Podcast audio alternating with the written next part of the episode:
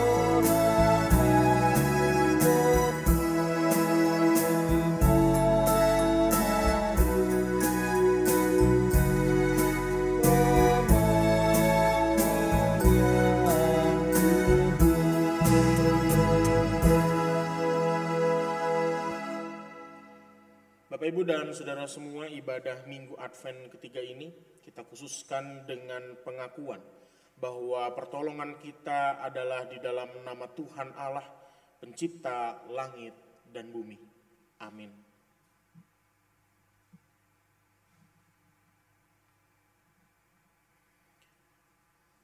Kasih karunia dan damai sejahtera dari Allah Bapa dan dari Tuhan kita Yesus Kristus menyertai saudara sekalian. Menyertai saudara kita.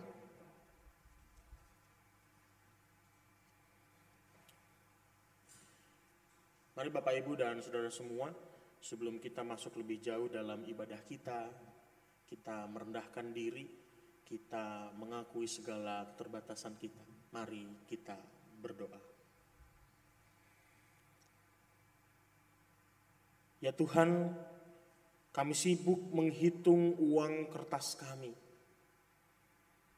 Sementara ada banyak orang yang justru sibuk mengumpulkan uang-uang recehnya.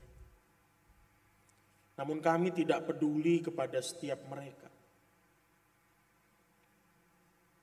Ya Tuhan, kami belum cukup mampu untuk menjadi saksi tentang Engkau, Sang Terang itu. Kiranya Tuhan mengampuni setiap kami.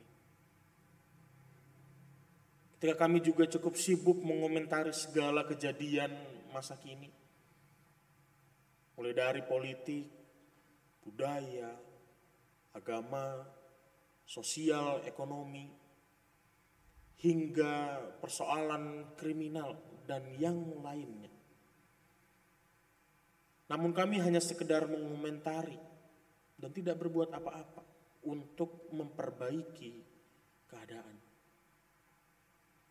Ya Tuhan, lagi-lagi kami belum cukup mampu menjadi saksi tentang Engkau, Sang Terang itu. Kiranya Tuhan mengampuni kami. Ketika kami juga sibuk mencaci, memaki di dunia nyata maupun di dunia maya. Dan kami juga gagal untuk menciptakan suasana yang damai di dunia nyata ataupun juga di dunia maya. Lagi-lagi kami tidak cukup mampu menjadi saksi tentang Engkau, Sang Terang itu. Kiranya Tuhan mengampuni kami. Dan dalam keseharian kami, kami juga sibuk menggunjing, bergosip, berbicara hal buruk tentang orang-orang di sekitar kami dan pada akhirnya itu semua memicu ketersinggungan, memicu konflik.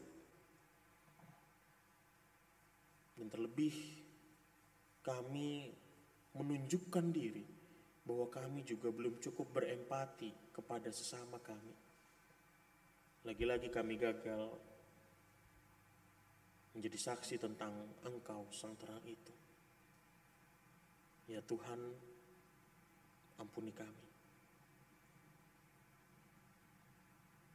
Ya Kristus, Engkau firman Allah yang menjelma menjadi manusia. Kiranya Tuhan mengampuni kami, Tuhan mengasihani kami. Dan kiranya melalui kehadiran Kristus di tengah-tengah kami, kami boleh senantiasa menjadi lebih baik. Dan saat ini kami menyerahkan diri kami ke dalam tangan Tuhan. Kiranya Tuhan yang memperlengkapi setiap kami. Dalam Kristus kami memohon pengampunan dosa. Amin.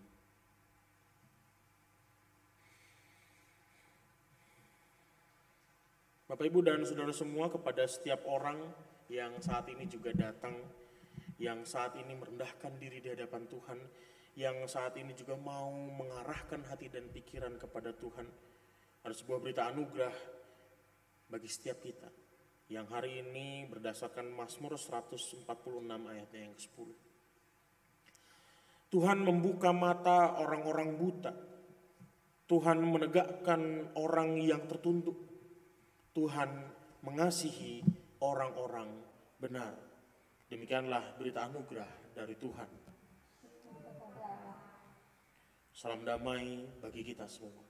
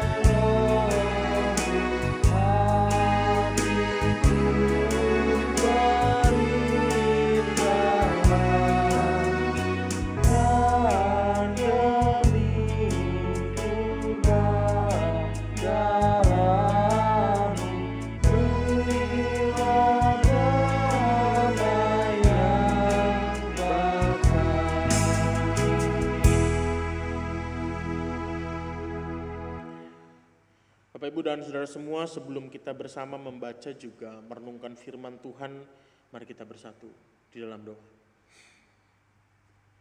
Tuhan Sang Punya kehidupan, kami mengucap syukur untuk setiap berkat juga penyertaan Tuhan di sepanjang kehidupan kami. Kami bersyukur Tuhan juga senantiasa berikan kami kesempatan untuk kembali beribadah kepada Tuhan di hari ini. Kami ya Tuhan bersama membuka hati dan pikiran kami untuk terus diperlengkapi oleh Tuhan. Oleh karena itu, sebelum bersama kami membaca juga merenungkan firman Tuhan, kami memohon penyertaan Roh Kudus Tuhan. Supaya setiap kami juga boleh dengan sungguh mengarahkan hati kepada Tuhan dan dimampukan untuk memahami segala hal yang mau Tuhan sampaikan kepada kami. Dengan segala keterbatasan kami ya Tuhan, kami mau bersandar kepada Tuhan. Dan kiranya roh kudusmu senantiasa menyertai umat Tuhan yang mau diperlengkapi oleh Tuhan. Dalam Kristus kami berdoa. Amin.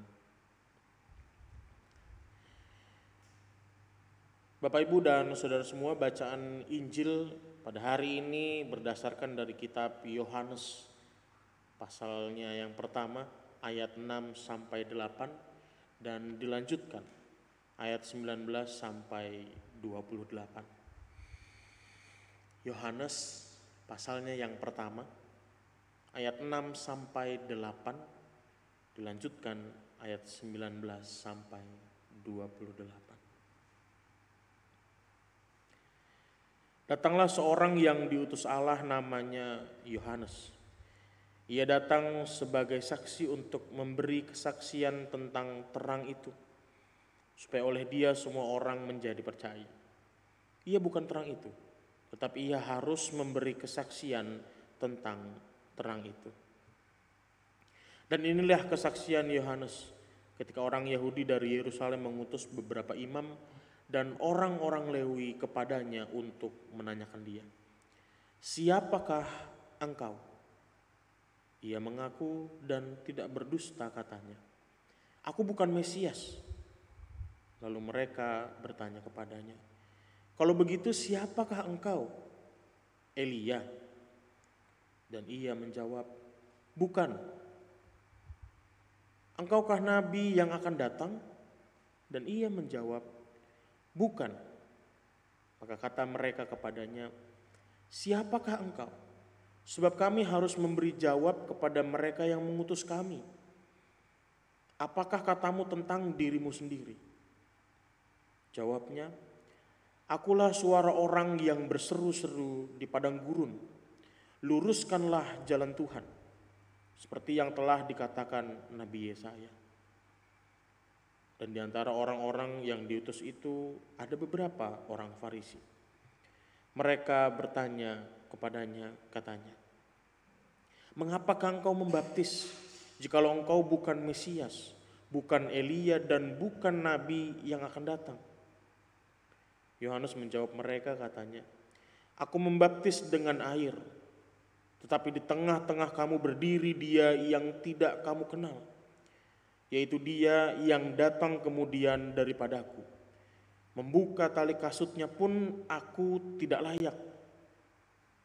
Hal itu terjadi di Betania yang di seberang sungai Yordan di mana Yohanes membaptis.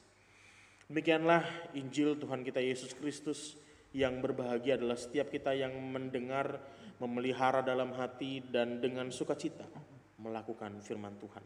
Maranatha. Música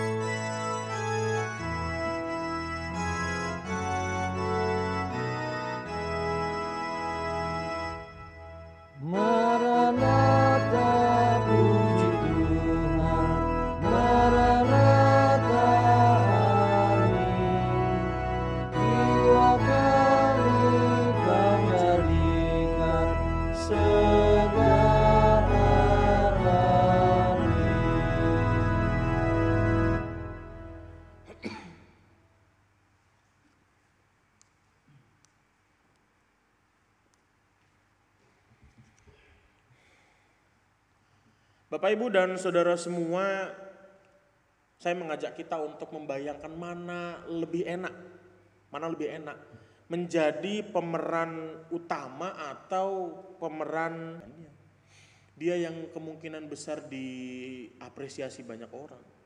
Walaupun belakangan akhirnya peran pendukung juga kemudian banyak apresiasi, tapi tetap yang memegang kuncinya adalah peran utama. Dan kita senengnya jadi pemeran utama. Atau mana lebih enak menjadi orang yang diberitakan atau memberitakan?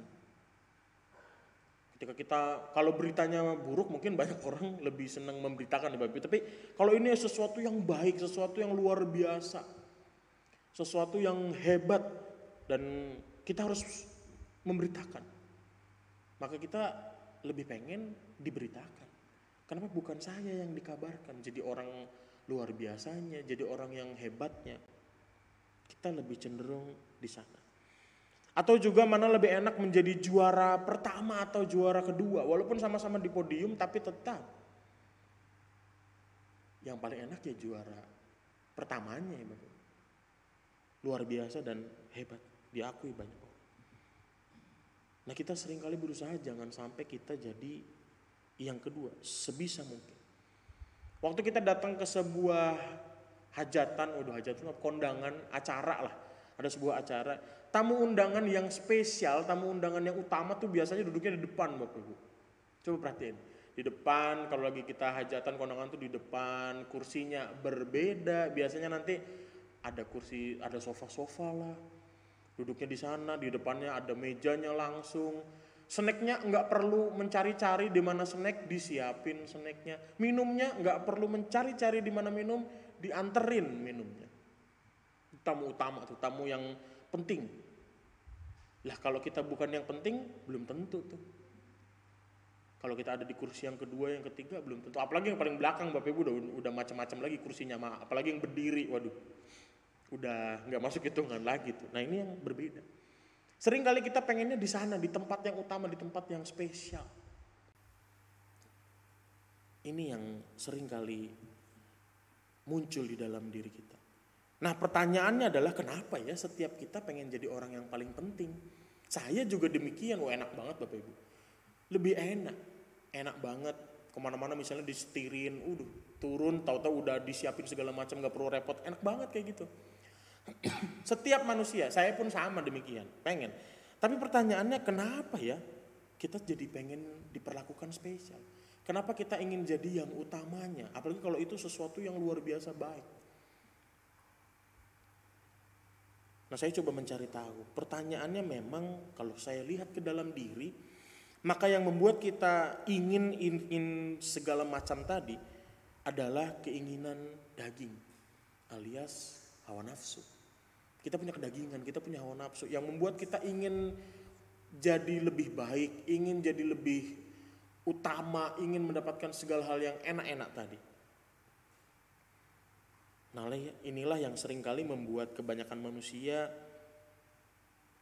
sepertinya terlihat ingin menjadi Tuhan.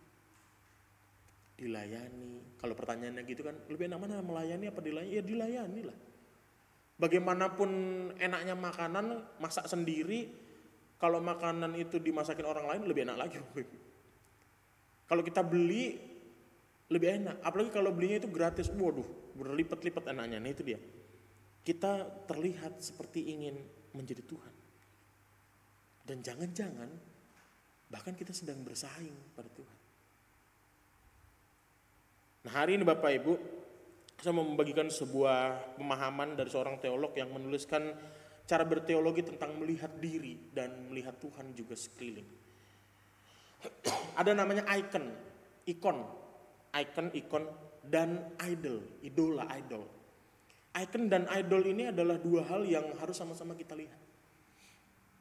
Kebanyakan orang ingin menjadi idolnya. Artis-artis K-pop nih teman-teman yang suka K-pop, kalau Bapak Ibu tahu K-pop ya, eh, Korea-Korea band itu Bapak Ibu. Nah, itu tuh disebutnya idol, idol, idol, idola-idolanya. Nah mereka lah yang jadi pujiannya, jadi pusat perhatiannya. Nah begitu pun juga iman. Fokus kita adalah idol. Siapa idolnya Tuhan? Nah, icon ini hanya perantara kita. Icon ini hanya sarana saja, alat saja. Nah, kita semua adalah icon-icon tadi yang menampilkan bagaimana iman kita, yang menampilkan apa yang kita pahami, apa yang kita imani, khususnya tentang kekristenan. Kita semua adalah ikonnya. Nah, di dalam kekristenan yang paling utama adalah Kristus. Ibadah ini kita lakukan untuk memuliakan nama Tuhan. Semua pelayanan gereja kita lakukan untuk memuliakan nama Tuhan. Bukan tentang siapa yang sedang berkhotbah, bukan tentang siapa yang jadi PNK-nya, bukan tentang siapa yang jadi pemusiknya, bukan tentang siapa yang jadi operator dan segala macam.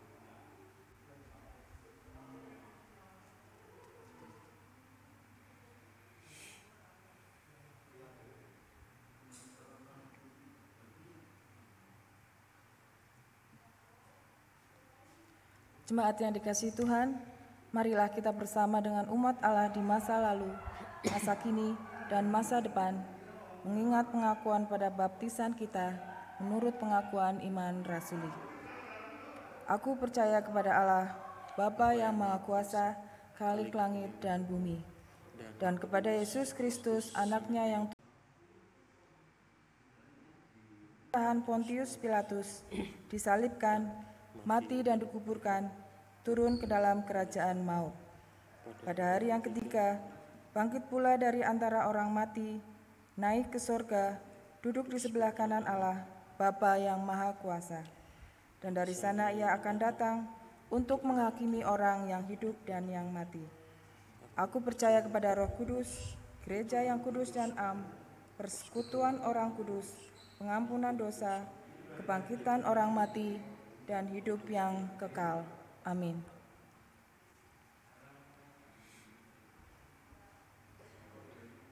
Bapak Ibu dan Saudara semua, mari kita menaikkan syafaat kita, mari kita bersatu di dalam doa kita berdoa.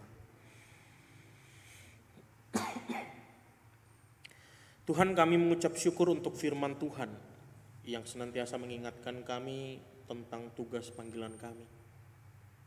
Ketika kami menikmati berkat juga penyertaan Tuhan di sepanjang kehidupan kami, kami juga sudah seharusnya mengucap syukur karena Tuhan. Tentu dengan banyaknya cara, tapi hari ini kami diingatkan salah satunya yaitu terus memberikan kesaksian tentang Tuhan di dalam kehidupan kami. Mungkin di dalam respon kami terhadap panggilan itu masih ada banyak halangan, masih ada banyak keterbatasan kami sebagai manusia. Tapi kiranya Tuhan yang senantiasa menolong juga memperlengkapi kami. Saat ini ya Tuhan kami juga mau menaikkan syafaat kami untuk orang-orang yang berdoa untuk saudara terkasih kami, Pendeta Teofani yang saat ini juga sedang dalam kondisi lemah tubuh. Kiranya Tuhan yang terus sertai, Tuhan yang terus berkati. Dengan segala keterbatasannya kami percaya juga Tuhan mau jamah. Tuhan tidak meninggalkan dia. Dan kami bersatu hati mohon kekuatan juga penyertaan dari Tuhan. Kami serahkan orang-orang yang kami kasihi dan secara khusus Pendeta Teofani ke dalam tangan kasih Tuhan. Kami juga mau ya Tuhan untuk orang-orang yang kami kasihi yang saat ini juga jauh dari kami. Orang tua kami, anak-anak kami, cucu-cucu kami, juga keluarga kerabat kami yang lain. Kiranya Tuhan berkati segala pekerjaan tangan juga usaha mereka. Tuhan berkati mereka ketika mereka juga menghadapi segala pergumulan hidup mereka masing-masing. Tuhan juga berkati segala rencana mereka. Kami percaya Tuhan tahu apa yang terbaik. Dan kami menyerahkan orang-orang yang kami kasihi, yang jauh dari kami ini, ke dalam tangan kasih Tuhan. Kami juga berdoa untuk persekutuan kami di tempat ini. Kami sebagai satu keluarga besar di KIDI Panjaitan mengucap syukur untuk berkat juga penyertaan Tuhan kepada setiap kami. Karena kami terus dimampukan untuk saling menguatkan satu sama lain, saling mendukung satu sama lain, saling mendoakan, dan saling melayani satu sama lain. Terutama dalam situasi yang semakin sulit belakangan ini. Kami percaya juga Tuhan mau kuatkan kami dan terlebih mau pakai kami lebih hebat lagi. Namun sebelum itu ya Tuhan mampukan kami untuk terus setia berelasi dengan Tuhan dan sesama kami melalui segala hal yang kami lakukan dan segala doa-doa yang kami panjatkan. Kami juga berdoa untuk bangsa dan negara kami. Engkau tahu apa yang sedang terjadi belakangan. Di tengah-tengah situasi hidup yang semakin sulit, bangsa kami juga masih dalam pergumulan tentang relasi antar sesama masyarakat. Ya Tuhan, bantu kami untuk terus hadir sebagai pendamai, sebagai pembawa kasih di mana pun kami berada. Sekalipun kami punya banyak keterbatasan, tapi kami mau berserah pada Tuhan. Sehingga Tuhan saja yang sempurnakan setiap kami. Dan di dalam juga bersama Tuhan, kami terus dimampukan menghadirkan kedamaian. Juga berkati ya Tuhan setiap pemimpin bangsa ini, berikan mereka hikmat dan kejaksanaan dari Tuhan. Supaya segala hal yang diputuskan, yang dijalankan boleh sesuai dengan kehendak Tuhan juga bukan untuk kepentingan sekelompok orang, segelintir orang, tapi untuk kepentingan banyak orang. Karena Tuhan juga mau menjamah setiap mereka. Kami juga berdoa untuk setiap kami dengan segala pergumulan kami masing-masing. Juga pekerjaan usaha tangan kami. Juga rencana-rencana kami ke depan. Juga kesehatan-kesehatan kami. Kiranya Tuhan Kau sendiri yang menyertai setiap kami. Kami serahkan semuanya itu ke dalam tangan kasih-Mu. Kami percaya Tuhan maha tahu apa yang paling baik untuk kami. Oleh karenanya, biarlah kami berjalan terus bersama dengan Tuhan. Menyelesaikan setiap pergumulan kami, menjalani setiap rencana kami. Yang kiranya boleh sesuai dengan rencana Tuhan. Kami menyerahkan diri ya Tuhan. Kami mengucap syukur untuk setiap berkat juga penyertaan Tuhan dan segala hal yang kami sampaikan, setiap nama yang kami sebutkan dalam syafaat kami, kami mau serahkan semuanya ke dalam tangan Tuhan. Dalam Kristus kami berdoa. Amin.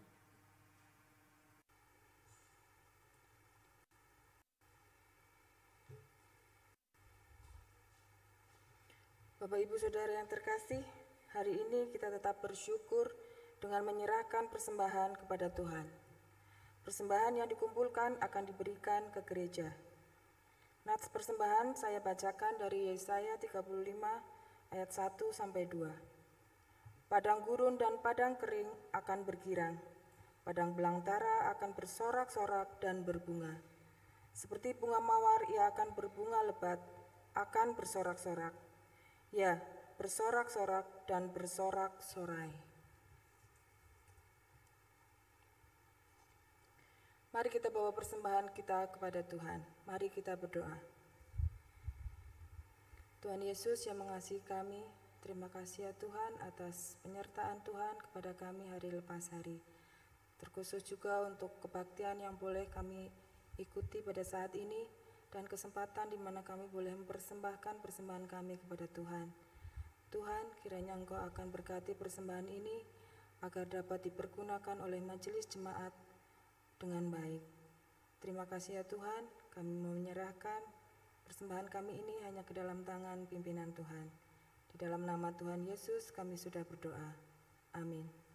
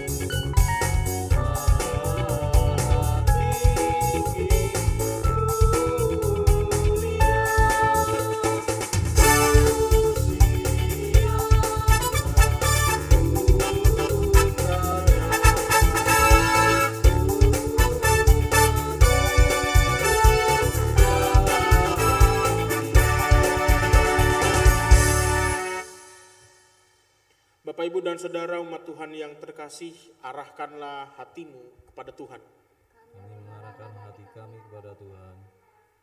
Jadilah saksi-saksi Kristus, Syukur pada Allah, terpujilah nama Tuhan.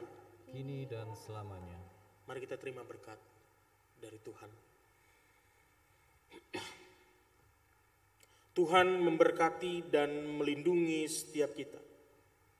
Dia menjaga kita mendapati setiap pergumulan. Dia menemani setiap kita di masa-masa sulit ini. Dia merengkuh setiap kita dalam kehangatan dan memperlengkapi setiap kita dengan pengharapan. Sampai saat kita bertemu lagi, kiranya persekutuan kasih Allah, Bapa, Anak, dan Roh Kudus senantiasa menyertai setiap kita dari sekarang sampai selama-lamanya. Amin.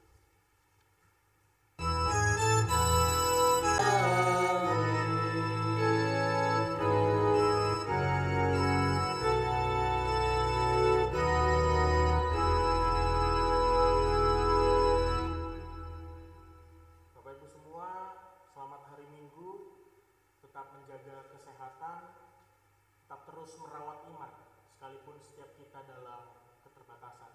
Tuhan.